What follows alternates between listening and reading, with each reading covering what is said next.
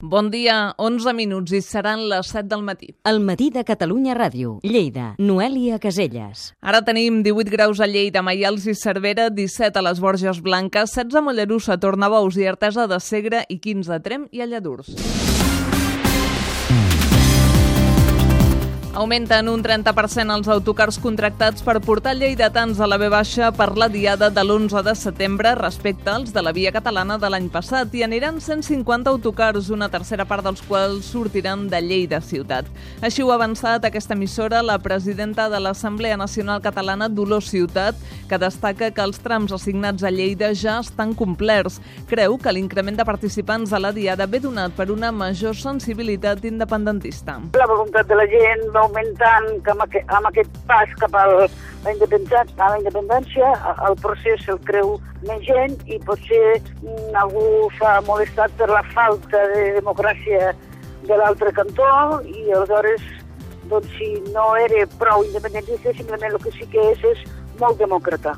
I encara sobre l'11 de setembre, Convergència i Unió demana a l'Ajuntament de Lleida que s'avancin els actes institucionals de la Diada, Rafael Ventura. L'objectiu és fer-los compatibles en la participació amb la B baixa organitzada a Barcelona per l'Assemblea Nacional Catalana. Toni Postius és alcaldable de Ciu a la Paeria. Precisament per facilitar doncs, que els milers de lleidatans i lleidatanes doncs, que tenen intenció d'anar a Barcelona doncs, a la B baixa i puguin anar. D'altra banda, la CUP fa una crida a omplir les places i els carrers de Lleida.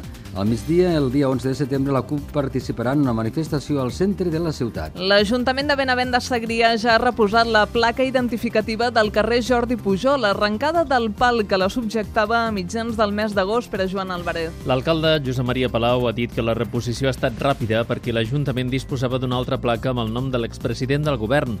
A més, s'aprofitarà per renovar-ne d'altres. Hem revisat totes les que teníem en estocatge i, bueno, precisament, i com que el carrer aquell no té sortida aquell carrer, doncs hem trobat una placa que representaria que sigui el cap i el final del carrer. Aprofitarem per canviar en 5 o 6 de poble. L'alcalde va qualificar la desaparició de la placa de fet vandàlic. La sostracció es va produir setmanes després que Jordi Pujol va confessar que havia tingut a l'estranger patrimoni sense declarar. L'estació duanera de Lleida, Edullessa, ha vist reduïda la seva activitat en gairebé un 50% per l'aturada de l'exportació de fruita a Rússia. Ara demana poder operar en altres productes com la carn i l'alfals. Des del mes de gener fins a l'agost, les exportacions s'havien incrementat un 27%, xifres rècords. Van ser molts al juny, al juliol i especialment els primers dies d'agost. Imma Mansos, la subdelegada del govern espanyol a Lleida. És a dir, si a tot el juny, el juliol, va haver 900 camions cap a Rússia, els, 10, els 8 primers dies de l'agost va haver ja 450 camions,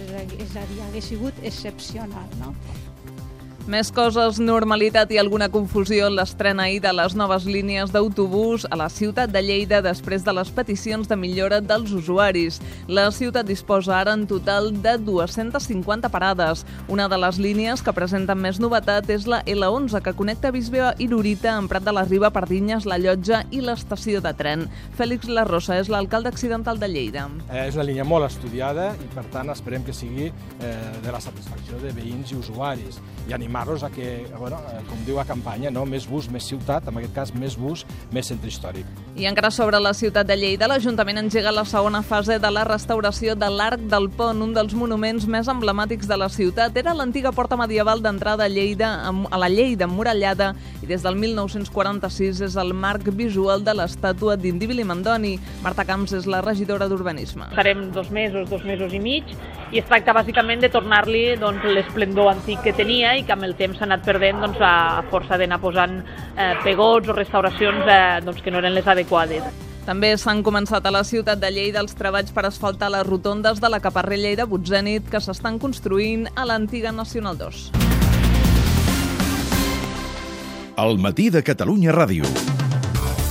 I ara parlem d'esports. En futbol, el Barça ha comunicat al Lleida Esportiu que no els pot cedir el davanter argentí del filial Maxi Rolón per no debilitar el Barça B, tot i l'acord que tenien des de feia dies les tres parts. I en motos, el pilot de Cervera, Àlex Márquez, competirà l'any que ve a Moto2. Damià Aguilar, bon dia. Hola, bon dia. Diu que porta bé això de ser el germà de Marc Márquez. De fet, n'està ben orgullós, però l'Àlex Márquez ja té camí propi. Ha tornat a Silverstone amb un nou podi i havent-se acostat a 13 punts del lideratge de Moto3 que encara manté l'australià Jack Miller. I també amb la confirmació del seu futur a Moto2, Àlex Márquez ha signat dos anys per l'equip Marc BDS. Des del moment que vam decidir amb, amb l'Emili, vam, vam prendre la decisió de, de pujar a Moto2, hem tingut molt en compte aquest equip, eh, sabíem que, que bueno, pels resultats és, és el millor de, de Moto2, i bueno, també volia estar en un equip que, que tingués algun, algun company d'equip punter per, amb experiència per, per poder aprendre molt d'ell. Aquest company no és cap altre que Tito Rabat, la tercera peça del que, juntament amb els germans Márquez, es fan dir Rufea Team i és que entrenen plegats a la pista de terra pròxima a Lleida. Àlex Márquez seguirà avui la seva rutina d'entrenaments a Cervera preparant la cursa de la setmana que ve a la costa adriàtica.